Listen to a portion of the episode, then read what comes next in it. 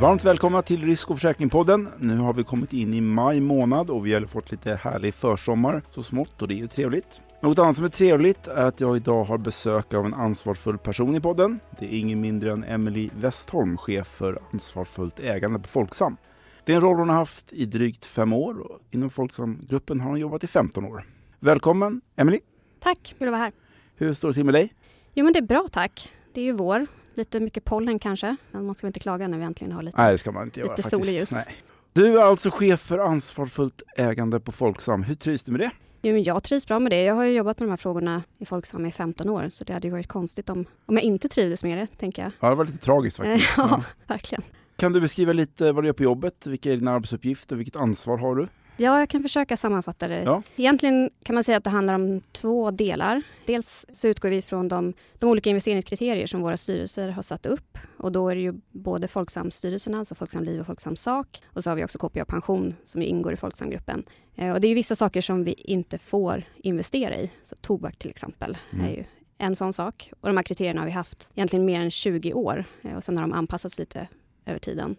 Så en del av jobbet är att se till att vi inte investerar i det vi inte får investera i. Den andra delen är att jobba med det som vi faktiskt har i portföljen. Med ägarstyrning på olika sätt, med olika verktyg. Jobba med påverkan. Så det är två delar och vi är lite unika där, skulle jag säga, i alla fall varit i, i branschen. Sen besöker ni ofta bolagsstämmor också. Har det blivit några besök i år? Framförallt efter påsk, där eh, drog många igång sina fysiska stämmor igen. Det var många poststämmor innan dess. Det har ju varit som i och med pandemin att, att vi inte har kunnat gå på några fysiska stämmor. Men nu var jag på tre stämmor förra veckan. Är någon stämma där ni på folk som tycker ni har gjort extra stort intryck eller avtryck i Sverige och på den internationella arenan? Om kan nämna något exempel? Kan jag säga ett liksom generellt exempel som jag ändå tycker att jag vill nämna. Det är det här att vi för, redan för många år sedan bestämde oss för att ställa en fråga till, till VD eller ordförande vid varje årsstämma där vi var närvarande. Och en fråga då som rör hållbarhet specifikt. Eh, för 10 år sedan, 15 år sedan så var hållbarhet inte någonting som diskuterades på årsstämmorna. Idag så finns det nog ingen VD som inte tar upp hållbarhet i sitt anförande av sig självt. Man ser ju värdet av hållbarhet på ett helt annat sätt idag än vad man gjorde tidigare. Men det här att vi var, vi var först att prata hållbarhet på stämmorna och ställa frågor, det skulle jag säga ändå är någonting som har stuckit ut. Sen internationellt sett så har vi ju bland annat varit med och lagt förslag på eh, en del stämmor utomlands. Ehm, kan nämna HSBC, den storbanken, som är en av Europas största finansiärer av fossila projekt. Där har vi ett förslag tillsammans med ett gäng andra ägare och en NGO som, eh, som handlar om att de skulle sätta upp klimatmål och helt enkelt fasa ut utlåningen till den här typen av fossila bolag. Hur gick det? Jo, men det gick ju ganska bra till slut. Man säger. Det här var förra året. Vi la förslaget.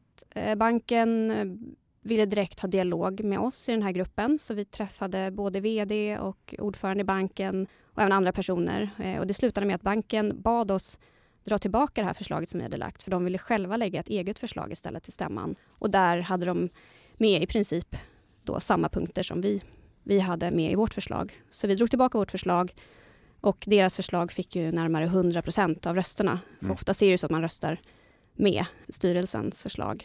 Så det var ju absolut en vinst i frågorna som vi, Mm. som vi bryr oss om. Ja, inom ansvarsfullt ägande finns det flera vägar att gå. Man talar ofta om att kanske utesluta och påverka genom sin ägarmakt. Hur tänker ni med det på Folksam? Det är en jättebra fråga och det har ju varit aktuellt länge. Ehm, ofta hamnar man liksom i antingen eller. Och vi ser inte riktigt på det sättet. Vi ser det ju mer som att det är vissa saker som vi inte vill investera i. Eh, där vi ser att vi inte kan påverka. Tobak till exempel. Tobaksbolag är tobaksbolag. Det är ganska osannolikt att de kommer börja odla päron istället. eller någonting liknande. Det är ju liksom, det tog upp de gör. Och där ser inte vi att vi vill ha, ha våra kunders pengar. Våra kunder vill inte ha sina pengar där. I övrigt så finns det ju inget som säger att man som ägare inte har möjlighet att vara med och styra utvecklingen i bolagen. Det finns ju alla möjligheter också, alla skyldigheter kan jag också tycka. Mm. Att, att inte ta ett ansvar, att inte försöka göra bolagen bättre och därmed världen bättre. Det är liksom inget alternativ. Så är det inte lika tydligt att det är onda makter så är det bättre att påverka kan man säga då än att utesluta. Jag vet inte om man skulle kalla det onda makter. Ja, det gjorde jag nu. Men, Ja. men det finns ju, alltså det här med uteslutande kriterier, det är också någonting som, det var ju det man gjorde först historiskt när man började med etiska investeringar. Då började man ju plocka bort sånt som man tyckte var, lite som du säger, lite ont, oetiskt. Mm. Eh, det var tobak, det var alkohol, spel, vapen. Eh, men sen har ju det har det utvecklats till att bli andra saker som man utesluter också. Eh, kopplat till klimatförändringarna till exempel. Mm. Så att man utesluter mycket fossilt. Och där är det en annan fråga egentligen. Och det kanske vi kommer in på senare. Mm, nu kan vi också. göra det. Mm. jag tänkte bara fråga dig hur ni på Folksam arbetar med den gröna omställningen genom ett ägande, om ni kan ge några exempel på det? Ja, absolut. Vi eh, jobbar med, vi har tydliga mål, eh, långsiktiga mål och även kortsiktiga mål för hur, hur vi vill att vår portfölj ska ändras när det gäller koldioxidavtrycket då. Men sen är det ju viktigaste att vi genom våra investeringar ska få till en verklig förändring i världen. Så vi har till exempel inte fossilfria portföljer utan vi investerar även i bolag som idag på ytan ser, ser dåliga ut, om man får uttrycka sig så, men där vi ser att det finns en möjlighet eh, att de ställer om och bidrar till verklig förändring i världen. Vad skulle ni kunna göra bättre i ert ägaransvar på olika områden? Så det är en jättebra fråga och det är klart att det tänker vi ju på jätteofta och vad, vad vi kan göra bättre, vad vi borde ha gjort bättre. Jag tror också att man, man behöver se på något sätt ansvarsfullt ägande, ansvarsfulla investeringar, också ansvarsfullt företagande, man pratar om det, som någon slags process och en utveckling som, som inte blir klar. Och där tror jag vi kanske skulle behöva bli bättre på att förklara att det är så det fungerar. Mm. Ibland så vill man gärna förenkla världen, man vill ha svartvitt. Det är ett ont bolag och det är ett gott bolag och sen mm. så är man klar. Men det är inte så det funkar. Nej. Utan goda bolag kan bli onda och onda kan bli goda. Och där har vi som ägare en möjlighet att vara med och bidra till att det blir bättre helt enkelt. Grönmålning på hållbarhetsområdet pratas det ju en hel del om just nu. Det vill säga att verksamheter och produkter framställs som mer hållbara än vad de i praktiken är. Det är viktigt att motverka grönmålning för att upprätthålla förtroendet för hållbara investeringar. Men vilka är de rätta vägarna att gå för att motverka grönmålning? Ja, men jag tror det var det jag var lite inne på, att just vara, vara ärlig med att det är så komplext. Frågan är om någonting överhuvudtaget är grönt, om man ska vara riktigt ärlig. Mm. Uh, och där man också ser att det, det som borde vara målet för oss alla, eh, vare sig man sparar eller man konsumerar eller man äger någonting, investerar någonting, så är det ju på längre sikt att man får till största möjliga liksom, nytta eh, genom de val man gör. Mm. Och här har man ibland fastnat lite grann i, i här och nu perspektivet, vilket gör att det väldigt lätt också blir grönmålning av det hela. Jag tror att vi som bransch eh, och vi också från Folksam, vi skulle kunna vara ännu mer, så att säga, ha ännu större förtroende för våra kunder och att de kan förstå och greppa eh, och berätta också tydligare vad, vad kapitalförvaltning är, mm. hur man kan göra för att faktiskt göra skillnad. Mm. Hållbarhet har blivit ett väldigt brett begrepp och omfattar idag långt mer än att begränsa CO2-utsläpp och miljögifter. Finns det risker med hållbarhetsbegreppet att det har blivit för brett och inte, därmed hinns inte med att påverka och agera mot varje del? Liksom? Jag håller inte riktigt med om att det har blivit mer brett. Eh, jag tror i Bara för att du jobbar med det här? Du... det kan ju vara så, men jag tror det är väl så att många tänker hållbarhet och då är det klimat och det är det gröna eh, det handlar om. Men, och därför, jag gillar ju egentligen därför också att prata mer om ansvar och ansvarsfullt företagande, ansvarsfulla investeringar, ansvarsfullt ägande, just för att då får man med alla perspektiv. Mm. Eh, och det här att inte hinna med, nej det är klart, det är klart att ingen hinner med allt, men därför är det också viktigt att göra så för företag är det viktigt att göra väsentlighetsanalyser. För oss som investerare är det också viktigt att, att gå igenom och se vad finns de största riskerna, vad finns de största möjligheterna att göra skillnad. Eh, jag hörde om ett bolag häromdagen som, eh, som jag skulle säga har sina största risker inom mänskliga rättigheter av olika slag. Men de skulle upphöra med mycket av det arbetet för att de hade hört från många investerare att det var viktigare att de sysslade med klimatrapportering. Och det, då tycker jag att det blivit någonting som har blivit fel. Ja. Det är inte det här bolagets viktigaste fråga. Nu är det inte något innehav i vår portfölj, så det är ingen fråga för mig att vara med och påverka. Men, men det är ett exempel på där, där man faktiskt kan hamna snett om man bara försöker driva en fråga. Det är viktigt att, att se att hållbarhet, det är just det är klimat, det är miljö, det är mänskliga mm. rättigheter, det är arbetsvillkor, det är mutor, det är allt möjligt. Och när det gäller ert noterande innehav så röstar ni på, på årsstämmor. Hur går ni tillväga för att följa upp företagens hållbarhetsarbete eller ansvarsfulla arbete mer konkret? Eh, intervjuar ni dem eller vad gör ni? Ja, men det är en bra fråga. Vi är ju, förutom jag så är jag tre medarbetare i mitt team och jag har ju även kollegor på kapitalförvaltningen som jobbar också med de här frågorna. Men vi räcker ju ändå inte till såklart för alla bolag i vår portfölj och för alla innehav i alla andra tillgångslag också. Vi har ju hjälp av olika typer av leverantörer som gör screening eh, och ger oss bakgrundsinformation och så. Men sen är det såklart så att vi har egna möten med företagen Vi samarbetar också med andra ägare. Det vill jag verkligen poängtera. Vi är inte ensamma i det här, utan tack och lov så är vi många ägare. Jag tror att vi samarbetar i stort sett med alla andra svenska aktörer eh, mm. på ett eller annat sätt i olika frågor. Och på så sätt så, så har man ju möjlighet att täcka mer än man skulle gjort om man var helt själv också. Mm. Sen pågår ett krig och en invasion av Ryssland i Ukraina just nu. Påverkar det ert arbete med ansvarsfullt ägande på något sätt? Jag skulle inte säga att det påverkar oss direkt. Eh, vi hade inga innehav, inga ryska eller ukrainska innehav i portföljen så det fanns ingen sån aspekt direkt. Men, men självklart aktualiserar det ju olika frågor om vad företag ska vara beredda på när man går in på olika marknader. Vilka, vilka förberedelser ska man ha? Vilka, vilka risker, eh, vilken riskberedskap ska man ha? Och så vidare.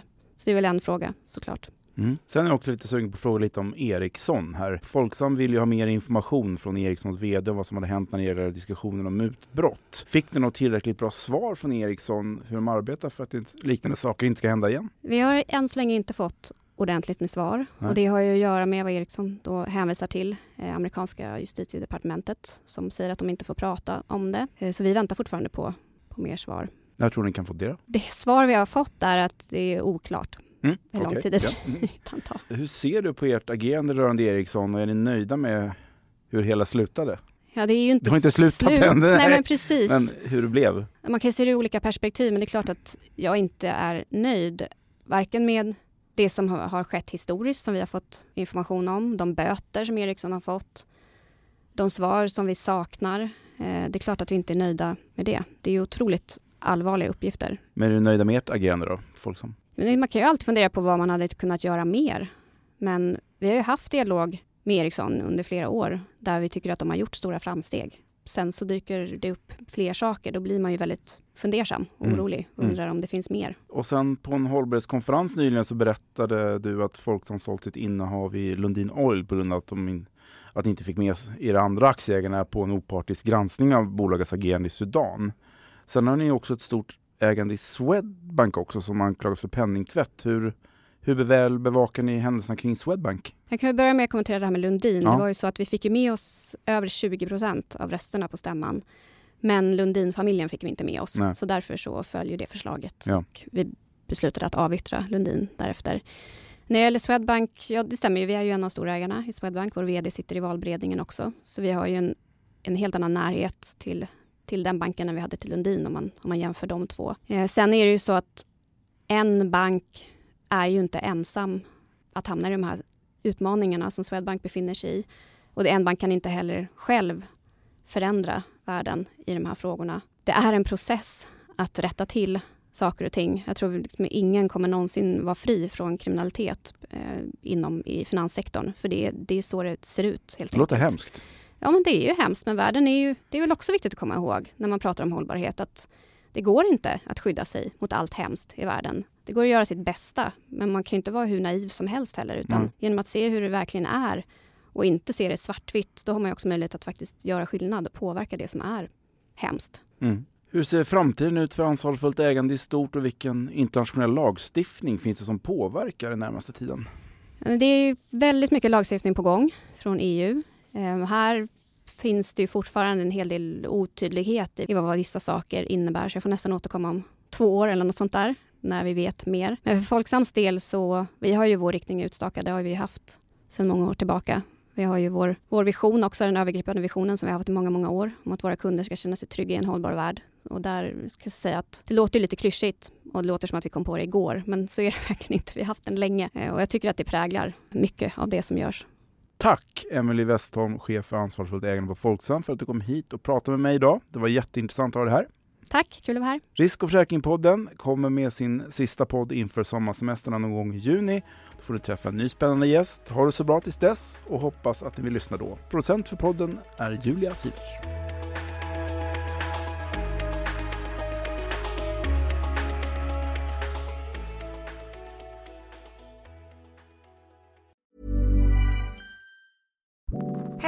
Was ist mit dir? Hast du auch etwas zu erzählen? Dann bist du eigentlich schon ein Podcaster oder eine Podcasterin. Du weißt es nur noch nicht. Egal, ob du dich einfach gern intensiv mit Freundinnen unterhältst, der Welt deine Leidenschaft näher bringen möchtest oder vielleicht auch dein Geschäft ausbauen willst. Das alles kann wertvoller Gesprächsstoff für einen Podcast sein. Mit Acast ist es kinderleicht, deine eigene Show zu starten.